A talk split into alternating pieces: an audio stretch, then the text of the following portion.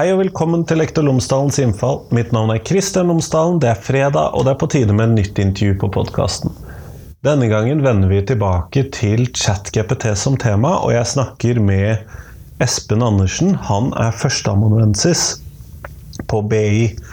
Og det er faktisk første gangen noen fra BI er med på podkasten. Det har ikke skjedd før, og det syns jeg er litt gøy. Men Espen han er med fordi at vi snakker om innovasjon. Vi snakker om hva er det vi kan lære av alle disse andre teknologiske innføringene som har skjedd i skolen.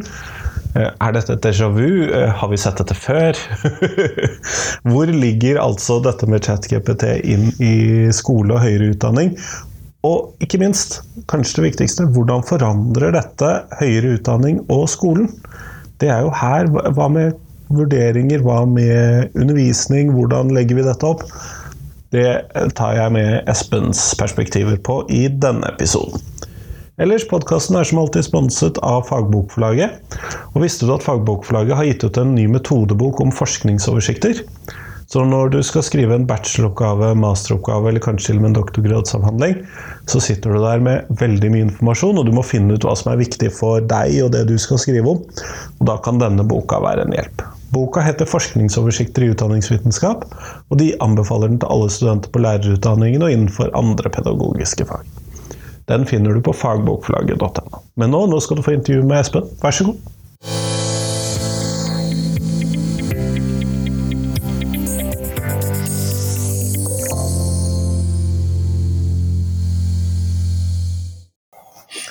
Espen Andersen, tusen takk for at du har tatt deg tid til meg i dag. Mange takk for at jeg får lov til å komme. Før vi kommer sånn ordentlig i gang, så jeg håpet at du kunne fortelle lytterne mine tre ting om deg selv, sånn at de kan få bli litt bedre kjent med deg. Ja, øh, skal vi se. Jeg jobber på BI. Øh, der underviser jeg i strategi, teknologi og maskinlæring. Jeg har alltid jobbet med teknologiundervisningen, så jeg tror det første sånn tingen er at jeg sendte min første e-post i september 1985. og Det begynner å bli en god stund siden. Ehm, det andre som du ikke finner på nett, eller kanskje finner på nett, det er eh, at jeg er veldig opptatt av en undervisningsform som heter caseundervisning.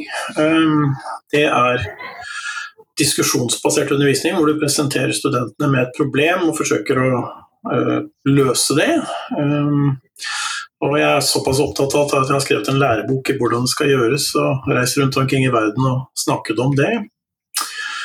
Ehm, og det siste er vel i denne sammenhengen Jeg har alltid vært opptatt av undervisningskvalitet.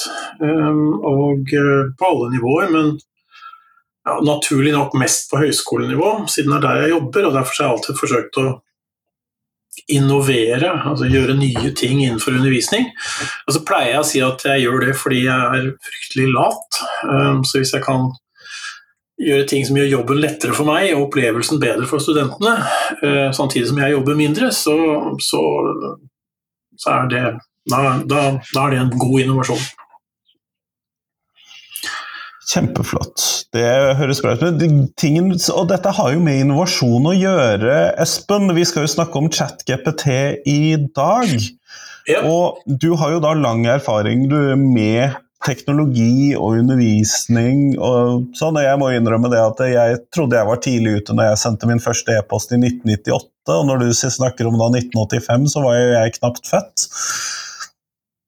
Men hvilken effekt tenker du Eller det snakkes jo veldig mye om at ChatGPT vil skape endringer i skolen. Også noen tenker forbud, og noen tenker strenge restriksjoner, og noen fullstendig frislipp, har jeg vel også sett. Men hvilke tanker gjør du deg om ChatGPT og dens vei inn i skole og høyere utdanning?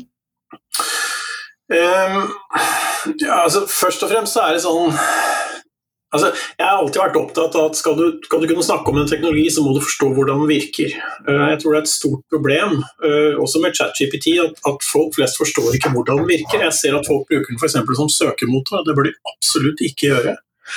Um, så tenkte vi hvis vi skulle starte litt, bare sånn hvordan virker faktisk ChatGPT? Og den Teknologien bak er gammel. Um, teorien bak uh, ChatGPT er formulert i en bok fra 1948 som heter The Mathematical Theory of Communication, som er skrevet av en professor ved navn Claude Shannon på, på MIT. og er, Den boken ligger under nesten alt vi gjør med nettverk i dag.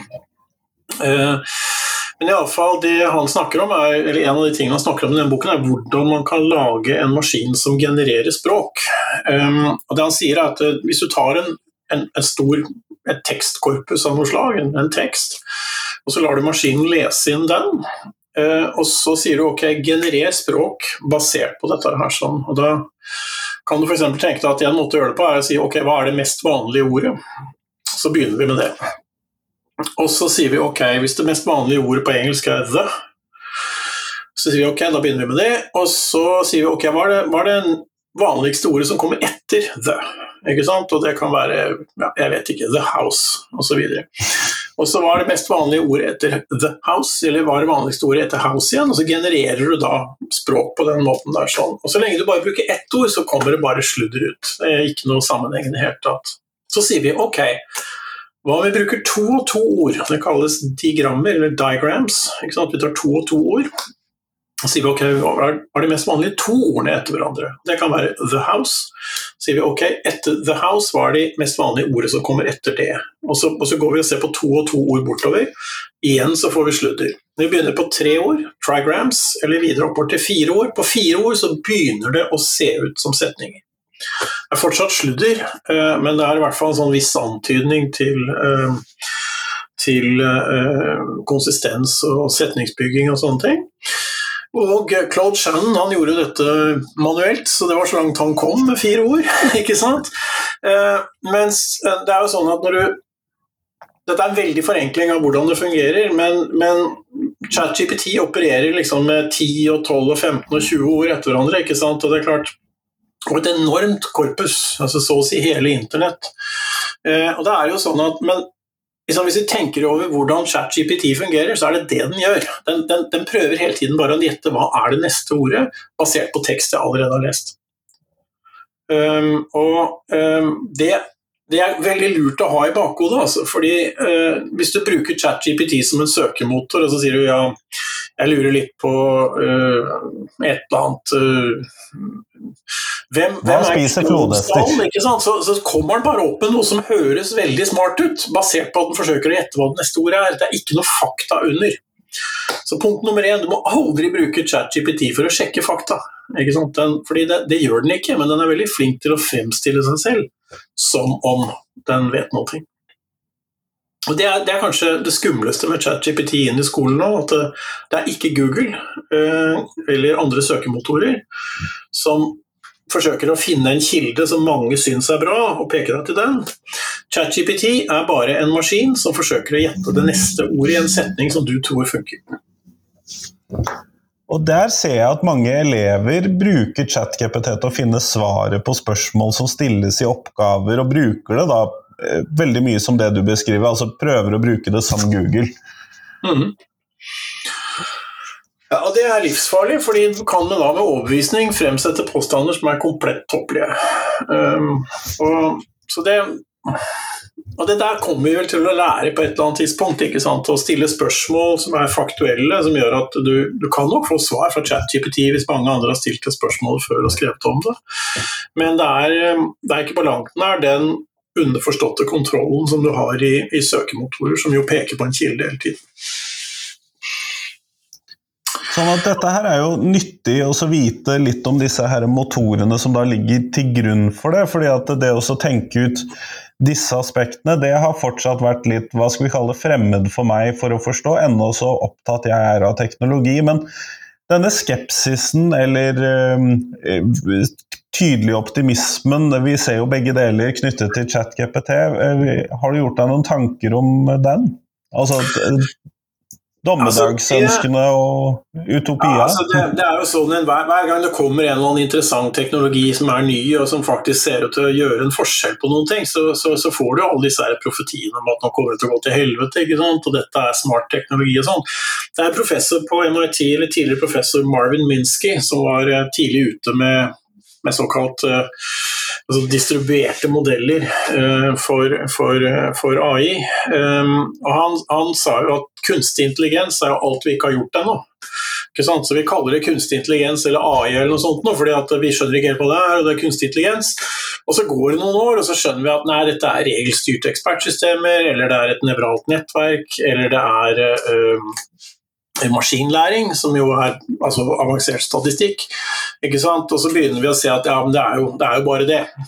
Og Det er ikke noe dommedagsgreie ute og går her. sånn. Vi er nødt til å tilpasse oss teknologien, men jeg har alltid syntes at utgangspunktet først er at du må skjønne hvordan den virker og hva den gjør. Og Så kan du begynne å forholde deg litt mer intelligent til den enn liksom sånne kjappe 'jeg har prøvd ChatGPT, og den klarte å skrive sånn og sånn', og, og nå går verden under, for vi kan ikke ha eksamen på vanlig måte mer.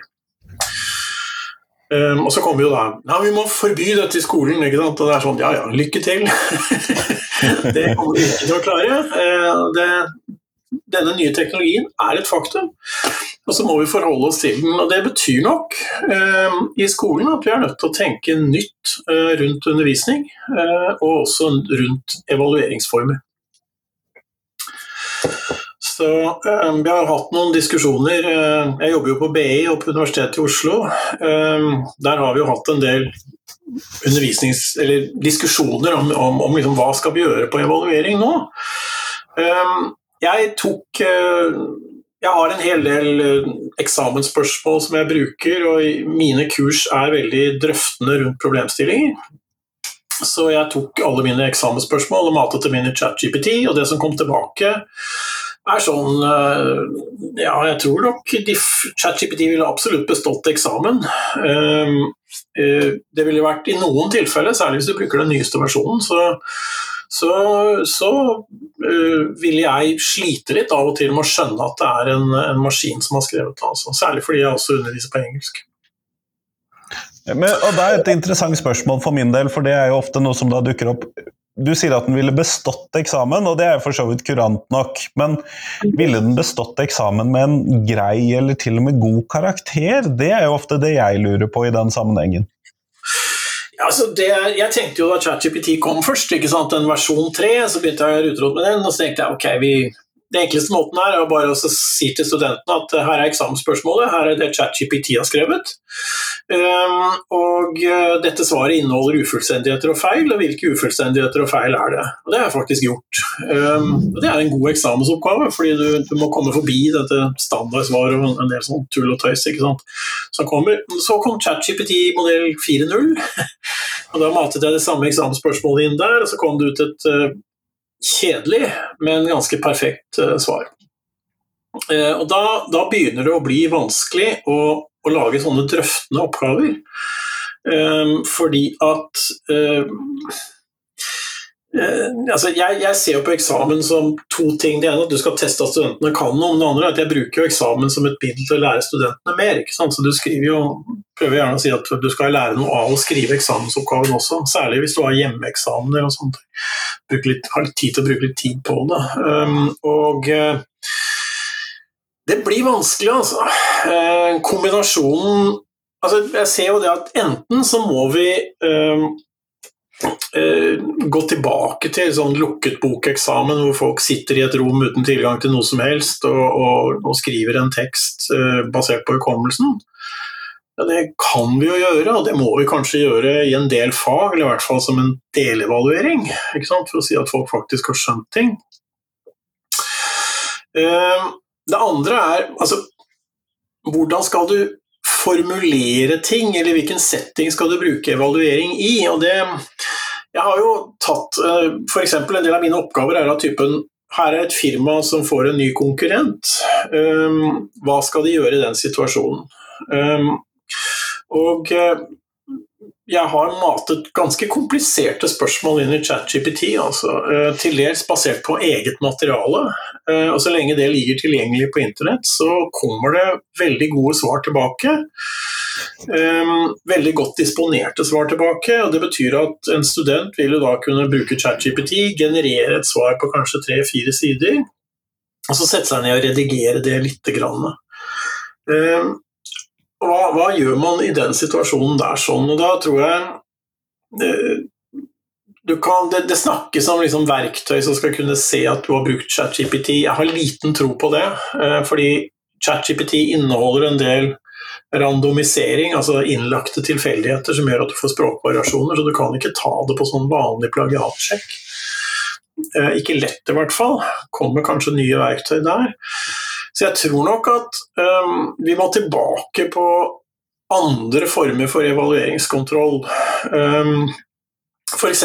hvis vi har studenter som sender inn drøftende oppgaver, så kan du si at ok, vi trekker ut uh, en uh, viss prosent av dere til muntlig eksamen.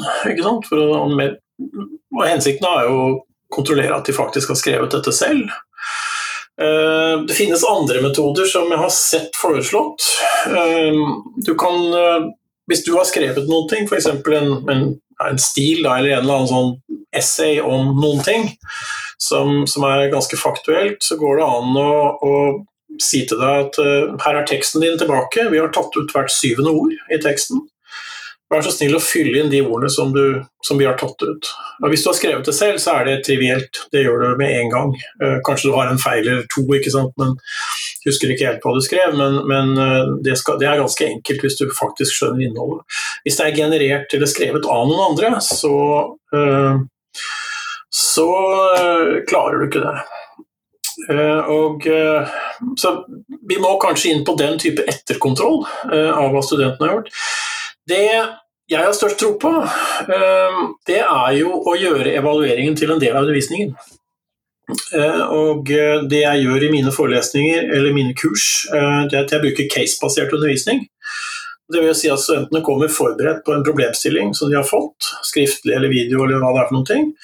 Og så diskuterer vi den i klassen, og så har vi en kontrakt som sier at du skal lære ikke bare av foreleser, men du skal lære av dine medstudenter.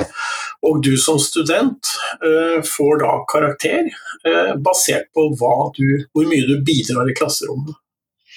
Ikke hvor mye du snakker, skjønt det spiller også en rolle, men hvor mye dine medstudenter lærer av deg.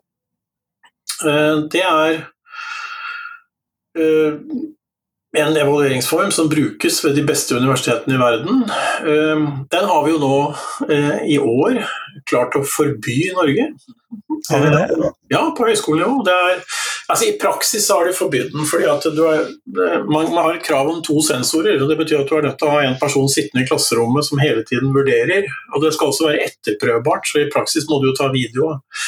Eller bruke en, eh, en transcriber, en annen teknologi som skriver opp hva studentene sier, eh, slik at det kan etterprøves. Og det da er det jo godt at eh, Jojo fra VG klarer den jobben ganske bra på norsk, da. Ja da, eh, det fins teknologi som kan gjøre dette her, sånn, men ja, personlig så tror jeg aldri jeg kommer til å bruke noe sånt. Men vi får et problem fordi Altså, jeg underviser valgfag. Jeg gjør det på, et, eh, på masternivå. Um, og jeg er kjent for å være en foreleser hvor det er voldsomt mye jobb i kursene. Uh, vel, du må møte forberedt, ikke sant? du skal diskutere, du skal være på. Du, sånt. Um, og det betyr at jeg har ikke et stort problem i mine forelesninger, fordi studentene ønsker å være der og ønsker å lære, og de er flinke. Så, så det, jeg har på en måte for min egen del selektert meg ut av problemet. Der problemet oppstår, er med studenter som er dårlig motivert, eller har mindre kunnskaper om hvordan de skal lære seg ting. På de lavere trinnene, tidlig bachelor f.eks., kanskje på uh, studier hvor det ikke er høye inntakskrav. Um, og, og, det er også et problem med skalering. Um, på BI driver vi nå og jobber med et, eh, et, fag innenfor bachelormodellen som skal være integrerende på slutten av kurset. Hvor det skal være diskusjonsbasert og problembasert løsninger og sånne ting. Og det er helt fantastisk å få til som et avsluttende kurs i et studium, hvor du trekker sammen alle fagene. Problemet er hvordan gjør du det med 2500 studenter. Det er ikke så lett, altså. Det blir faktisk en det kommer til å bli vanskelig å få til, og det kommer til å bli veldig interessant å se hva vi klarer å gjøre det her med teknologier på andre måter. Men det er sånn, vi må enten liksom ta evalueringen tilbake til sånn papir og blyant og sitte i et rom i tre timer eller fem timer. Og det må vi nok gjøre til en viss grad. Eller vi må øh, øh, sette studentene inn i si, integrerende, kompliserende situasjoner hvor de må demonstrere at de kan bruke kunnskapene sine. Øh, enten til å hjelpe sine medstudenter å forstå, eller å, eller å altså løse problemer. Dette høres jo kompliserende ut, og jeg mistenker jo at likebehandlingsprinsipp osv. vil stå litt i veien for den typen sånn stikkprøve, muntlige eksamener osv. Der eh... Hvorfor det? Vi trekker jo studenter ut til eksamen på videregående skole allerede. så er, Hvorfor kan vi ikke bare random trekke ut uh, studenter til en etterkontroll til faktisk har gjort det? Da Altså, risikoen vil jo være det samme for alle, eh, ikke sant? Og det vil jo da altså, Det er akkurat som Jeg bruker alltid ja, Nå er det jo forbudt, da, men eh, jeg bruker alltid um, deltakelseskarakterer i mine kurs. Uh, ikke som dominerende karakter. Altså på ved business schools i utlandet så er jo 50% av karakteren din satt basert på hva du sier i klasserommet. Jeg pleier å bruke rundt sånn 20% og Det er nok til at folk eh, skjerper seg og møter forberedt. Ikke sant? De vil ikke risikere å miste de 20% ehm, og Det er jo sånn, det er ofte en sånn problem vi har. ikke sant? At vi ser på evaluering som en evaluering. Jeg ser på evaluering som et pedagogisk hjelpemiddel. Et instrument for å få studentene til å gjøre som jeg vil. Er, jeg har jo, for i mine kurs så har jeg jo delevalueringer, um, sånn en 10% eller noe sånt nå, med en øvelse hvor jeg gir studentene og sier dere får karakter på dette. Her er et problem, løs det. Og så, så feiler alle studentene. Ikke sant? Um, og det er jo sånn, og Da kan jeg si etterpå at ja, jo, det er riktig at det var 10% av karakteren var satt på det, men hvis alle i kurset feiler, så så er, altså, så er, det den pedagogiske hensikten. ikke sant? Du får ikke studentene til å legge en skikkelig jobb uten at det er en viss belønning til, knyttet til det. Det pedagogiske poenget er at eh, de misforstår oppgavene og ikke tenker kritisk rundt det de skal gjøre. Og måten de lærer det på, er å tenke at 'å, søren, der fikk jeg en dårligere karakter' fordi jeg ikke tenkte kritisk. Jeg har hatt studenter som sier 20 år etterpå at driver han fremdeles og gir folk den forbaskede oppgaven der sånn, og det gjør jeg. Og det lærer de av, og det husker de. Og jeg syns jo det er ganske fantastisk at uh, vi blir jo hele tiden forventet at vi skal lære studenter å tenke kritisk og sånne ting. Samtidig så har vi da politiske prinsipper som sier at vi skal ha færre evalueringsformer. Alt skal være to sensorer, alt skal være etterprøvbart. Og så sier vi at da da har vi regelverk som forhindrer pedagogikk i retning av dit vi vil, da. nemlig at studenter skal kunne applisere teori, ikke bare repetere den, og at de skal tenke kritisk rundt de oppgavene de får. Og dette er jo en ganske interessant forskjell mellom høyere utdanning og basisutdanningen. fordi at eh, i basisutdanningen så har man jo i veldig mange år, selv om man har hatt et visst fokus på sluttvurdering gjennom eksamener og standpunktkarakterer som må settes og litt sånn, men man har jo i økende grad snakket om underveisvurdering, og det eksisterer jo ikke i så stor grad i høyere utdanning, i hvert fall ikke sånn formelt, i hvert fall. Jo da, det eksisterer. Eh, vi har noe som heter mappeevaluering. Eh, som det er et sånn loophole som du kan bruke. Eh, men altså rent formelt Som jeg sier, jeg har jo satt karakter på studentene etter hver forelesning. ikke sant? Ja, Christian, ok, hvor mye deltok han? Ja, Han hadde et par kommentarer. Var det bra kommentarer? ikke sant? Da får han så mange poeng. Det som jeg sa, det er jo ikke i praksis ikke anledning til å gjøre lenger. Eh, men det har en vidunderlig effekt, fordi læringsutbyttet blir jo veldig veldig mye bedre når du har det pressmiddelet på studenten. Eh, så da er jeg jo henvist til å gjøre det ikke instrumentelt, men mer sånn eh, ja, Sette opp en slags mental kontrakt med studentene. Da. Hvis du ikke hvis du ikke møter forberedt, så kan du ikke delta i diskusjonen, og dermed så får heller ikke dine medstudenter utbytte av din erfaring. Det er ikke veldig vanskelig å få til når du har f.eks. etterutdanningskurs med folk som har vært ledere i næringslivet og sånn, fordi de skjønner den tenkingen med en gang. ikke sant? Heller ikke vanskelig på masternivå, i hvert fall ikke på studier som er vanskelig å komme inn på, så det var en viss kvalitet i studentene. Men uh, ja Jeg har en uh, Ned i barneskole, ungdomsskole og videregående, så er nok det vanskeligere å skulle gjøre. Altså, er også, Jeg kan jo med en viss arroganse si at jeg bryr meg ikke om de dårlige studentene. ikke sant? Eh, Mens jo den, den, Det har du ikke lov til, og det skal du ikke ha lov til lenger ned. Så det er jo en veldig uh, viktig forskjell. Men jeg tror det er rom for å både å si, presse studenter eller presse elever uh, til å gjøre ting. Uh, jeg pleier å si, jeg hadde en kollega på BI som sa uh, at BI er ikke et solarium, det er et helsestudio. Um, og jeg tror vi bør ha den holdningen, i hvert fall på videregående skole. ikke sant, at Hør her, nå det vi gjør her sånn, er å forberede deg til, en, til, å bli en samfunnsborger og til å ha en karriere og kunne ha et godt liv og et interessant jobb, ikke minst. Eh, og det, det, får du ikke ved å lene deg tilbake og forvente at hjernen din skal fylles opp. Altså. Det, det, må du, det, må du, gjøre selv. Så jeg syns den analogien er veldig, veldig tydelig. Jeg, jeg, pleier også å si at studenter er ikke kunder, de er produkt. Um, og uh, det er min jobb å utvikle det produktet. Um, og uh, ja, Parallellen til en personlig trener er jo, er jo, for så vidt der, da, ikke sant. Eller en, uh, altså du sier hva, hva, Hvordan kan jeg hjelpe en student til å utvikle sin kunnskap og sin kritiske sans og sin evne til å integrere uh, ulike fag? øh, heller enn sånn ja, hva er standardkunnskapen i dette faget, hvordan kan jeg få lirt det av meg så jeg faktisk har gjort jobben? Men eh, ser du noen hva skal vi kalle positive bidrag, eller muligheter for positive bidrag fra ChatGPT og lignende språkverktøy inn i både høyere utdanning og i basisutdanningene? Ja, jeg syns jo at det at utdanning settes under press, altså standardmodellen innenfor høyere utdanning er at det er forskning som teller forskning, publisere artikler, holde på med forskningsprosjekter. Utdanning er et nødvendig onde som vi er nødt til å drive med, og det gjøres best ved at man har et standard sett med foiler som man går opp på en talerstol og lirer av seg til studentene, som sitter og tar imot. Og så tester man det med en eksamen etterpå. Eh, og den modellen der sånn, jeg vil ikke si at den blir umulig, eh, men den blir mye vanskeligere å gjennomføre. Fordi studentene kan nå skrive eksamen med ChatGPT. ikke sant? Eh, de har hatt den muligheten lenge. altså I USA og sikkert også i Norge så finnes det jo folk som skriver eksamensoppgaver for det mot betaling.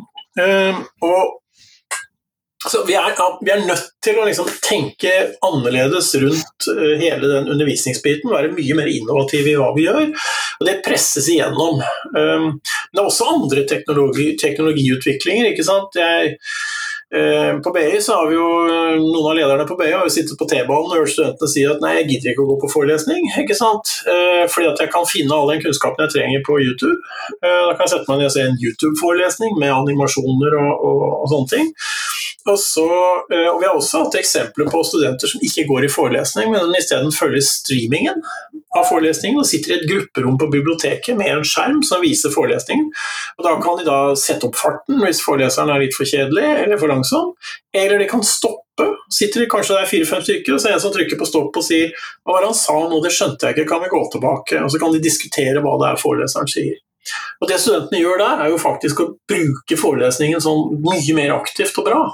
Men fra foreleserens side så ser jo vedkommende et glissent auditorium ikke sant? og får jo ikke med seg at en del studenter faktisk bruker det stoffet som vedkommende presenterer, mye bedre. Så det vi det som er problemet med undervisning, er at vi, vi, sier jo at eh, ok, vi skal lage videoer, vi skal ha asynkron undervisning, alle disse tingene her sånn. Det vi glemmer, ikke sant, det er jo at ok, så har jeg et kurs i teknologiledelse. Det holder jeg på BI, og jeg holder det på Universitetet i Oslo. Og så har jeg funnet ut at det er det samme kurset, og disse studentene har godt av å snakke sammen, så nå har jeg slått det sammen. Så annenhver gang universitetet, annenhver gang BI. ikke sant? Eh, kjempefint. Studentene syns det er alle tider så møte folk som har en annen bakgrunn, og de lærer enormt av det, så det er kjempefint. Det er ingen grunn til at eh, med den teknologien vi har nå, at jeg burde jo kunne tilby det kurset på Oslo Met, og på Handelshøyskolen i Bergen, og på NTNU og på uh, Høgskolen Kristiania. Det er syv skoler som alle sammen trenger å betale meg for et kurs. Dette her ser jo veldig bra ut for meg. Ikke sant? Og det er klart, altså, vi ser jo at produktiviteten av dette her sånn øker. Um, og det, vi har på en måte et sånt rart institusjonelt rammeverk som sier at liksom en stor klasse det er 600 studenter. Ikke sant? Og det er sånn, ja, jeg vet jo om universiteter for hvem en stor klasse er 50 000 studenter. Ikke sant? Og vi, vi er sånn, ja, jeg tror ChatGPT tilgang til undervisningsvideoer som blir bedre og bedre og lettere og lettere å finne, bedre søkemotorer. Og dette er her sånn skriv en stil om hva du gjorde i går, uh, type evalueringer som da kommer under press, gjør at vi er nødt til å innovere. Og jeg tror kanskje at den teknologien er nå så kraftig at vi må innovere på en måte som bryter de ganske trauste institusjonelle rammebetingelsene og organisasjonsformene vi har. Kjempeflott, Espen. Tusen takk for det. Eh, nå går vi mot slutten av tiden vi har sammen i dag, og da skal jeg stille deg det spørsmålet som jeg avslutter med til alle for tiden. Mm -hmm. Og det er eh, hvilken lærer har gjort størst inntrykk på deg, og hvorfor det? Ja, eh, jeg har faktisk to lærere som gjorde veldig inntrykk på meg da jeg var eh, gutt. Eh, eh en på en veldig dårlig måte, eh, og eh, en på en svært bra måte. Jeg kan begynne med den dårlige. Det var min tysklærer i åttende klasse. Som var en han, han, han, lærte oss tysk, men han gjorde det ved å være forferdelig streng og vanskelig. Og jeg protesterte på en eller annen situasjon og ble da tatt inn på enerom. Så sa jeg et eller annet han ikke likte, og da slo han til meg i ansiktet med knyttneven. Ehm, det, jeg gikk jo åttende klasse, eller dagens niende klasse. Eh, så jeg var jo eh, en slampete tenåring, men jeg var jo ikke så stor gutten. Og det, det gjorde et veldig inntrykk på meg. Eh, og så har jeg tenkt på det i ettertid, at det som etterpå har gjort inntrykk på meg, er hvorfor all verden mistet ikke han jobben? Det håper og tror jeg ville skjedd i dag. Den gangen så var dette var en svært progressiv skole. Mange lærere med langt hår og, og, og venstreorienterte meninger. og de, Det var forbausende å se hvordan kolleger sluttet seg rundt denne læreren, altså. Eh, og ikke tok den svakes part i den situasjonen der. Sånn. Så det, det der var en sånn Tenk mye på det etterpå. At det var en sånn læresetning i hvordan en organisasjon på en måte ja, ikke forholder seg til eh, Eller beskytter sine egne. Eh, den positive læreren, eh, han kan jeg navngi. Han heter Trond Hagstrøm. Han er nå pensjonert.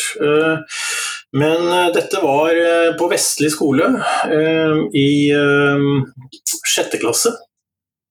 Og da skulle vi ha da, hadde vi et auditorium som var veldig sånn moteriktig. Dette var skole med åpne landskap, og det var fryktelig 70-talls. Og eh, eh, Trond Hagstrøm var da klasseforstander, og eh, han var formingslærer og liksom holdt på med båndsag og hadde masse skjegg og sånn. Og eh, eh han satte hele sjetteklassen ned på puter i auditoriet, og så gikk han opp på scenen med tavle og kritt. Og så brukte han to timer på å forklare med fire forskjellige fargekritt hvordan forbrenningsmotorer fungerte for sjetteklasser. Eh, det var da firetaksmotor, totaksmotor, dieselmotor B og uten klødeplugg. Og Det som var interessant, det var jo at alle vi gutta vi visste jo at på den tiden der sånn, så du ble ikke mann hvis du ikke visste hvordan en forbrenningsmotor fungerte. Altså. Det, og der, Da satt altså alle gutta satt som tente lys og tok notater med tunga ute og liksom fulgte hver ting. ikke sant? Og var livredde for å gå glipp av noe, og alle jentene satt der og så ut som de kjedet vettet av seg.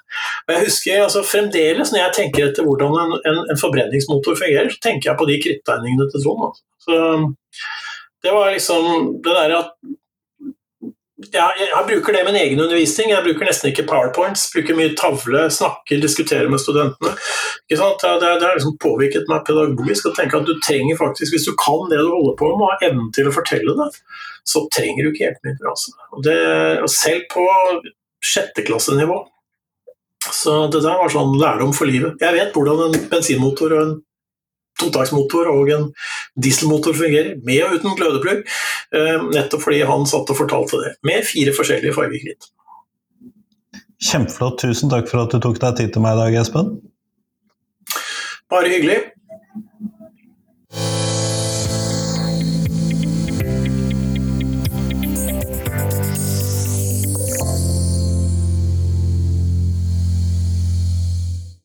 Tusen takk til Espen, og tusen takk til deg som hørte på. Nå er det klart for helg, og jeg håper at du kan bruke litt av tiden i helgen til å gå inn i den podkast-appen du bruker, og så rate Lektor Lomsdalens innfall inni den appen du bruker. Jeg vet ikke hvilken du bruker, sånn at det er mange muligheter her, men gi gjerne så høy stjernemarkering som du kan. Det blir jeg utrolig glad for. Eh, og dette hjelper til at podkasten blir mer synlig i de appene du bruker, sånn at andre mennesker også får en eh, sjanse til å bli opplyst om podkasten, for da dukker den oftere opp i ulike sammenhenger inne i disse appene. Sånn, det setter jeg utrolig stor pris på, hvis du kunne hjelpe til med. Ellers, eh, send meg tips til nye episoder. Det gjør meg utrolig glad. Og så får du ha en fin helg. Hei, hei.